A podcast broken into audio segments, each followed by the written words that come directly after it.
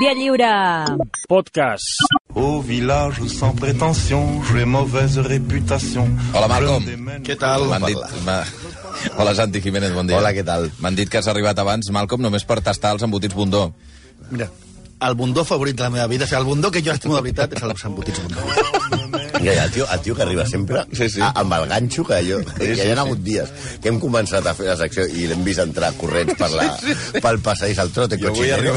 I, I avui ha sentit que hi, havia, que hi havia embotits i estava aquí a la, a, vamos, no, no havia obert la ràdio que ja hi era aquí. Bé, qui és l'execrable avui, va? Gotxa, tio, tio. Per favor. Mira, jo, em vas fer un spoiler ahir, Santi, que no sé si és veritat o no, que avui descobriríem d'on ve l'expressió de... Mirando pa Cuenca. Mirando pa Cuenca. Pues sí, sí, sí, sí, avui Sempre aprenent coses. ja Sí. sap. A veure, nosaltres avui que volíem... Nosaltres, ja això ens ho han dit moltes vegades des de les xarxes socials, a part de, de cagar-nos en tota la nostra família i parentela, tots els de Kobe Bryant i tots aquests ofendiditos, eh, que fem molt poques dones. I aleshores, eh, i és veritat, sí, hi ha molt poques dones que estiguin execrables, perquè eh, busquem, perquè realment al llarg de la història el masclisme, si ara és, és imperant, abans era molt més, no, encara? I tot aquest rotllo que us estic fotent és per explicar de qui parlarem avui. El nostre intent de fer dones, buscant dones com bojos, que és una, una constant de la nostra vida, va Sí, anar, de fam, sí. Eh, vam anar a mirar a Juana la Loca. Perquè, clar, dèiem, amb aquest, aquest nom res podia sortir malament, no? Aleshores, quan van començar a, a investigar la, la seva trista vida, van veure que la pobra Juana realment, potser sí que no tocava quarts ni hores, però en realitat era una víctima i la seva vida tampoc tenia res d'execrable. Així que, sentint-ho molt o no, vam decidir que li dedicaríem l'execrable al penques del seu marit, conegut com a Felipe el Hermoso. Un tio masclista, corrupte, xuleta, conspiranoi, que va viure envoltat de personatges malignes que deixa'ls anar, com per exemple el cardenal Cisneros o el seu propi sogre, el Ferran el, Ferran el Catòlic. Un noble, eh, eh, Felip aquest de El Hermoso, que va ser l'introductor de la casa dels Habsburg a Espanya, conegut popularment com los Austrias, que això és molt d'Espanya, que diuen, diuen, com se llama? Habsburg, no? les llamaremos los Austrias, i no, i no els hi van posar, i no els hi van, per què? I no els hi van posar, difícil. los guiris, lo, lo, los guiris. Un home i a més a més que té això que tant ens agrada, que és una mort molt misteriosa i que per culpa seva tots els nens, després de jugar, s'han vist impedit de prendre una beguda refrescant perquè no et passi com a Felipe el Hermoso i que, es va morir després de prendre'ns un got d'aigua després de jugar a tennis. I a més, veurem que no era tan guapo com deien i que si la seva dona va passar la posteritat... Ah, que amb- diuen, que, bueno, pel nom. Clar. Això de l'Hermoso. Eh, eh, He buscat alguna... Molt, molt bé, alguna... Sherlock. He buscat alguna... Ara estava buscant aquí alguna imatge de No. quadres i tal. No. Ah, també explicarem ara per què li van dir hermoso. Bé, va passar a la posteritat amb el mal nom de la loca, la seva dona, va ser en gran part per la mala vida que ell li va donar. O sigui que anem a pentinar el duc de Borgonya, Brabante, Limburg i Luxemburg, comte de Flandes, Habsburg, Henao, Holanda i Zelanda, Tirol i Artois, sigue comiendo, senyor d'Anvers i de Malines i rei de Castella. És a dir, Felipe el Hermoso. Felipito, Felipito, Felipito, Felipito, Felipito, Felipito, Felipito Tacatún. No sabeu què és. Què és això, perdona? Els més joves no sabeu. Sabeu què és això? Aquí és que aquí donem entrada a un mite de la música i la comèdia com Joe Rigoli. Ahà. Ves que no haguem fet el personatge d'avui només per posar aquesta cançó de Felipito Tacatún, eh? Pels que no sabia qui era aquest personatge, Qui? Rigoli, Ah, us direm que era un, el cantant. un còmic argentí instal·lat a Espanya als 70, famós per pel·lícules mítiques com Solo en la Tierra se puede ser extraterrestre, És un títol meravellós. El desastrólogo o Cuidado con las colas. És molt intens, eh, aquest de solo en la Terra se puede ser extraterrestre. Ah, és veritat? Té tota la raó. Tota la raó. Ara et diré que Fa Rigoli, pensar, eh? Rigoli té un Rigoli? execrable, eh? Té un execrable també, que potser Home, un dia el farem. Sí, doncs sí. vulgueu. Eh, amb aquests referents que, que nosaltres veiem de nens, com eh, Joel Rigoli. Rigoli i Felipito Tagatum, com volíeu que no sortíssim taradets i que acabem això. Però bueno, va, anem al nostre Felipito, el rei. Sí. Per començar, era flamenc. Ole, però de Flandes. Eh, ara, ara nivell, Flandes quin nivell. us sembla un lloc molt civilitzat, Sí. no? Perquè tenen una justícia i aquestes coses. Bueno, Però al segle XV era un cau d'hòsties on Ah, sí. estaven en guerra constantment. En especial, els de Bruges, que és d'on era el nostre pollastre, amb Gant, amb les dues ciutats. Aquests no es podien ni veure, no? Mica com Terrassa i Sabadell, però, però amb classe. A lo bèstia. Com classe. Eh, de fet, quan era un nen, els, eh, quan era nen a Felipito, els de Gant el van segrestar Què dius? i el van tenir un temps com hostatge mentre estaven en guerra contra Bruges. Vist del que vindria després, això podia servir com a eximent d'un trauma infantil, però tampoc serà això. Un detall del seu naixement, del seu naixement. El populacho sempre a les fosques, va creure que els seus pares, i ojo, que gent de bé, que manaven molt, eh? El seu pare era Maximilià i emperador del Sacre Imperi Romà Germànic i Maria de Borgonya, la seva mare. Havien tingut una nena. O sigui, to- tothom pensava que havia estat una nena. Ah. Però ella estava la iaia per treure la xusma de la confusió. El dia del seu bateig, la seva àvia va agafar el nadó i el va ensenyar tot conill al Oh. poble per tal de que veiessin els sous i la tituleta. Ai! I el va ensenyar a la Sí, sí, eh, sí, Mireu! Tiene rabos. És un nen, no, home. per favor. Una, un altre aconteixement que marcarà que el marcarà de per vida. Ja de gran, s'ha de dir, es va aficionar bastant en ensenyar la, la cuca sempre que Va. tenia ocasió. De fet, Culpa no, de i això és cert, serà. Sí, clar, culpa de l'àvia. De fet, poques de les seves cortesanes no havien vist el cimbrel, eh? El timbre. Però, Va. però abans de que arribés el moment d'anar ensenyant la cueta pels puestos i passar més temps estirat Que cada- serà, perdona, que seran tots eh, sinònims, ara. Sí, eh, va, Ja, va, però no, sí, no, fer una mica. però no Cueta dit molt maco. Sí, maco. La, la cuca, la titola. Va. va. Eh, va eh, de ben petit ja va començar a regnar. Manar, manava poc, regnava, però manava poc, perquè tenia només 15 anys i es va signar la pau a Flandes i totes les dues parts van acordar que Felip seria un rei, un rei bastant decoratiu, però que manaria un, un consell de nobles, no? una mica com si fos Bartomeu i estigués el Masferrer darrere, diguem-ne. El que sí era el noi era un bon partit. I això no va passar per alt als reis catòlics. Us farem un resum d'urgència de com estava el panorama d'Europa, que era una mica com l'Eurocopa, eh? Tots contra França. Els francesos estaven guanyant molt terreny i la resta de nacions van muntar una mena d'aliança per frenar els francesos. Li van posar el pompós nom de Lliga Santa.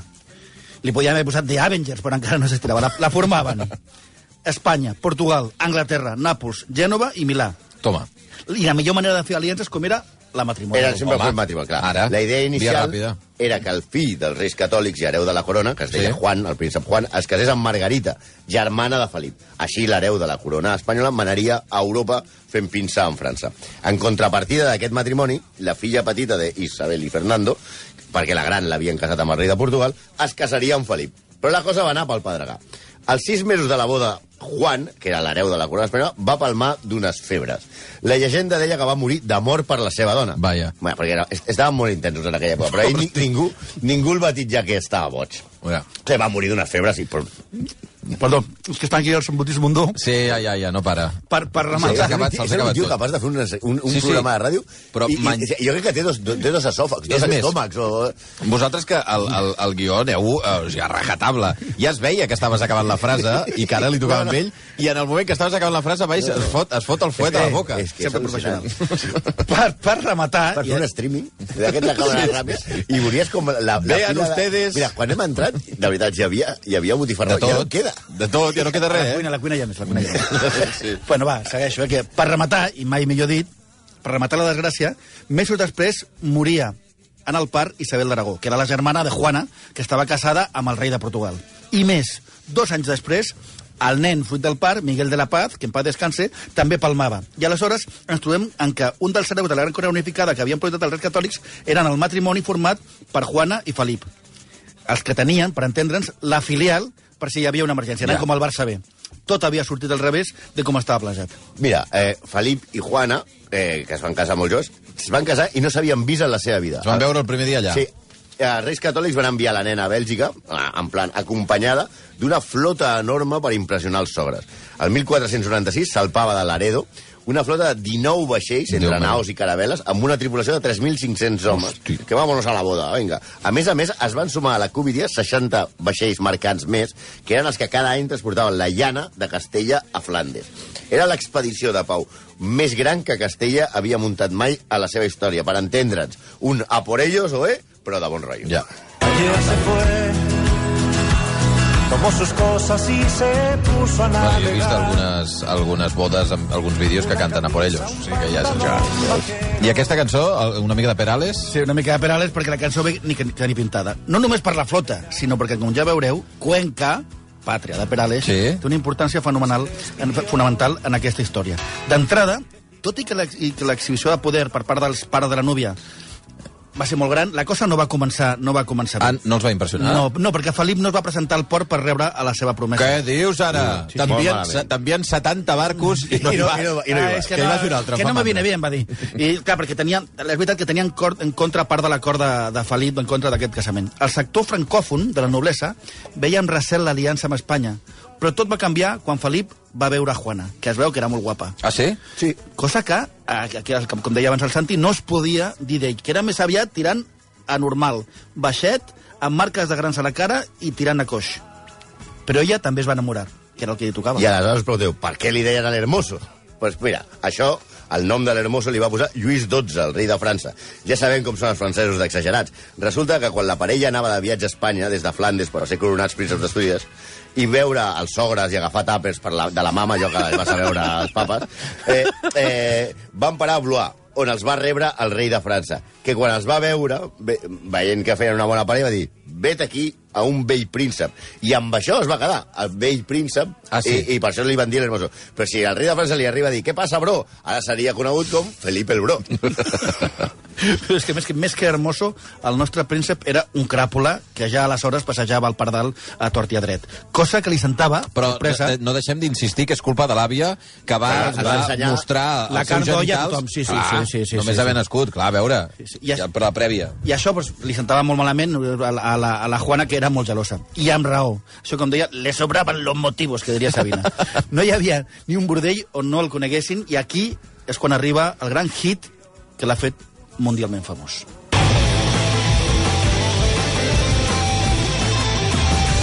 Tocava la guitarra? Aquesta és la cançó Mirando pa Cuenca, de Dinero Negro. Sí, senyor. Al nostre personatge d'avui se li atribueix l'origen de la frase Mirando pa Cuenca. Es veu... Molt que- famosa també aquí a la ràdio, des que un Sí, sí, el- el- amable oient va enviar-li un missatge al Tot és possible Sí, dient que hi havia un hotel que es deia A 20 uñas mirando... pa Cuenca. Bueno, I el no van estar buscant per Google a veure si... No, no cal que us expliquem eh, què vol dir aquesta expressió. Suposo que us imagineu. Ahà. eh, ell, quan, quan va estar, es va instal·lar a Castella, visitava molt Cuenca. I allà va instal·lar amb una torre una mena de telescopi que en el fons era el seu picadero. I era allà on portava les cortesanes a les que li deia que pugessin a veure les vistes de Cuenca. Oh. I d'aquí ve, d'aquí ve l'origen. És una de les teories, sí. perquè també n'hi ha més, però aquesta, aquesta ens fa molta gràcia. La que ell pujava les senyoretes, i deia, mira que- quines Mira vistes... quin hi ha". telescopi. Qui- Sí, mira aquí el telescopi. Mira com, mira com s'aixeca el Mira, mira telescopi. Prou. Diu, i, diu, i, I per això ve ho de ponerte mirando a Cuenca. Òbviament, aquestes pràctiques no passaven desapercebudes a la reina, desapercebudes a la reina, que era, a més a més, molt gelosa, com hem dit, i que a més era depressiva. El golfo del marit li donava molt mala vida. Els episodis de gelosia es succeïen.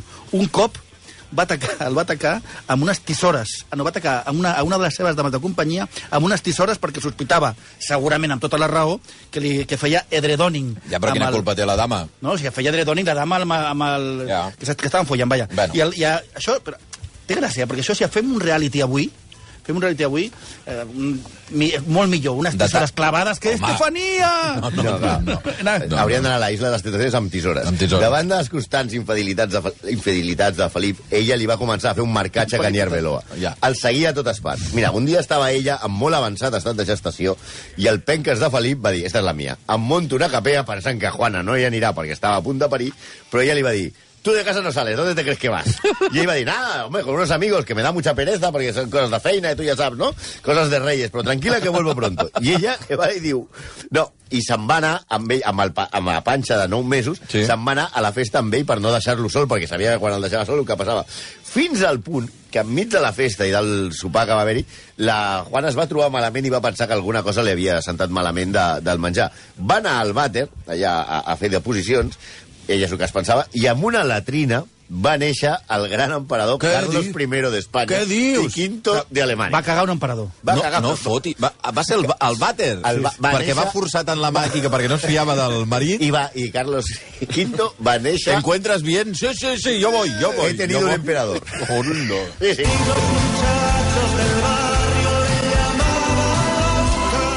Que Perales avui, Perales avui no... Se'n salva, en salva Perales. Perquè, és, perquè a més un homenatge a Cuenca, que avui només parlarem de Cuenca. Bueno, seguim que el, el Galtes del marit, davant el marcatge i la gelosia de la seva dona, va començar a dir que Juana estava boja i que com ell eh, era l'home, doncs ningú li va discutir. Ell era un pitxa brava campió i ella que era? Pues una pobra pertorbada. Això es va incrementar quan va morir Isabel la Catòlica el 1504. Juana passava a ser reina de Castella, cosa que ara, 516 anys després, no passaria i seguirían manant els homes gràcies a la Constitució tan moderna que todos nos hemos regalado. Però abans les, les dones podien ser reines. Vale. La reina Isabel va deixar al seu testament que el seu marit Fernando controlés el regne, sigui, perquè li posés un ull, no? Així que es va muntar un estrany tripartit entre la pobra Juana, el seu pare, Fernando, que era un bitxo, i el golfo de Felip. Ja sabem com acaben els tripartits. Malament. Sí, entre Ferran i Felip van apartar Juana de l'equació i van passar absolutament d'ella fent córrer que estava com un llum de ganxo.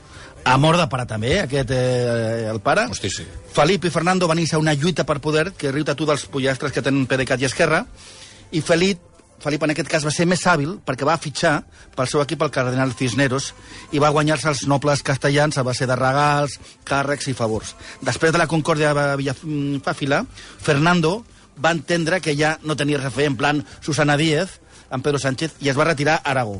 Castella era de Felip, però la festa va durar poc. Sí, perquè Felip només va ser dos mesos eh, rei de Castella, perquè després de ser coronat va morir a Burgos, a la casa del Cordón, hem dit Cordón, de forma sobtada. Aquí Prou. és on hi ha la llegenda que tothom sap i que, com deien, les iaies de tots els nens d'Espanya ens han inculcat.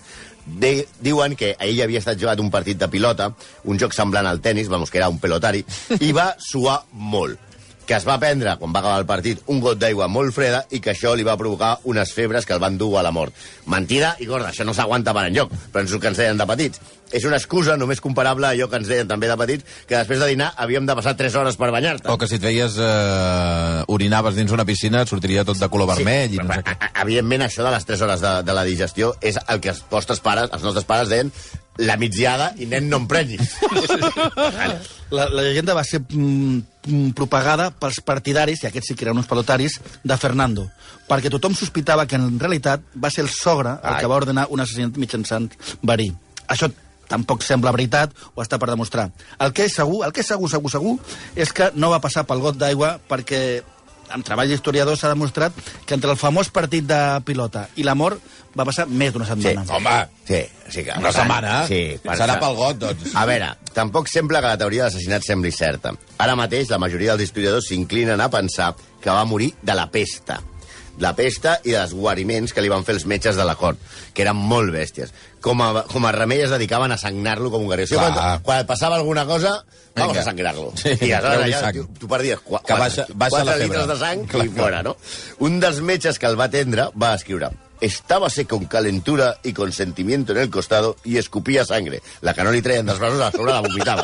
Diu, y se le hinchó la campanilla que decimos úvula tanto que apenas podía hablar. O sigui, el Sí, estava estava fet un estava fet un eh? Sí, sí, molt segurament era la pesta, pas de l'ESO, no és, no és molta mudo- pudor com en Ja les saben què és la pesta dels de És l'ESO. una, una, una malaltia infecciosa produïda per una bactèria.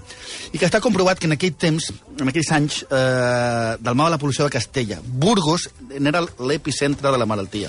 A les cròniques d'Andrés eh, Bermúdez llegim y fue tanta que los más de los pueblos murieron de medio a medio, y en algunas partes murieron más de los que quedaron, y en partes hubo que murieron más de dos veces que quedaron.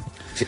Es van produir, a més, unes collites molt dolentes als anys anteriors i de la fam va arribar també la Sí, pesta. quan va morir, aleshores Juana sí que es va tornar ximple al final. I aquí ve la part més gore, la que ens encanta, la més gore de totes. Van, van embalsamar el cos de, de Felip, després d'extirpar-li el cor i enviar-lo a Brussel·les, Ai. i aleshores Juana inicia pels camps de Castella un macabre seguici fúnebre que va viatjar durant mesos de nit il·luminat per espelmes. Imagineu-vos la de, nit, hosti, hosti, portant el mort i, eh, i viatjant només de nit, eh, vetllant el cos del rei. Cada dia que passava, evidentment, el rei aquest ja cantava. La pesta ja... Home, si ja, va estar mesos, dius, el sí, cadàver tres allà? mesos el Oh, va portar oh, passejant. sí. Oh, oh, sí. oh. Les seves, I ella anava amb una guàrdia de nobles vetllant el cadàver i amb la, i a la vídua i les cortesanes pregant i totes vestides de negre en plan eh, Walking Dead passejant, Oh, hosti. passejant pels Tu t'imagines que te les trobes? Clar, feia una por que te. Oh, clar. oh, oh, oh. A cada poble que arribaven, a més a més, feien un funeral per, per mort, que el mort ja cantava com un almeja. O sigui, Sí, aquest, sí, que, hòstia, que viene el muerto. Sí, sí, fins que tres, després de tres mesos d'aquest eh, Walking Dead, Fernando va anar a buscar la nena i li va dir que fins aquí, i en connivència amb el cardenal Cisneros, la va tancar a Tordesillas, on va estar 46, 46 anys tancada, suportant no tota mena de perreries, perquè deien que estava endemoniada, mentre el seu pare i després el seu propi fill, el del vàter, el que va cagar la seva mare, suaven d'ella completament. Quina Pobra història. Pobra Juana, eh? I, i l'altre un jeta. I la Guinjeta, mira, allà es va estar podrint durant tres mesos a Camins de Castella. Vindrà cada, cada, o sigui, hi haurà embotits cada, cada cap de Eh, setmana. Truca'ls, a veure si te'ls volen portar. Si Sí, tu- m'agradaria, eh? Home, tu Val. podries fer l'anunci de Bundó. Encantado. 11 i 10 minuts, gràcies, execrables. A nosaltres. Tout le monde viendra me voir pendu, sauf les aveugles, bien entendu.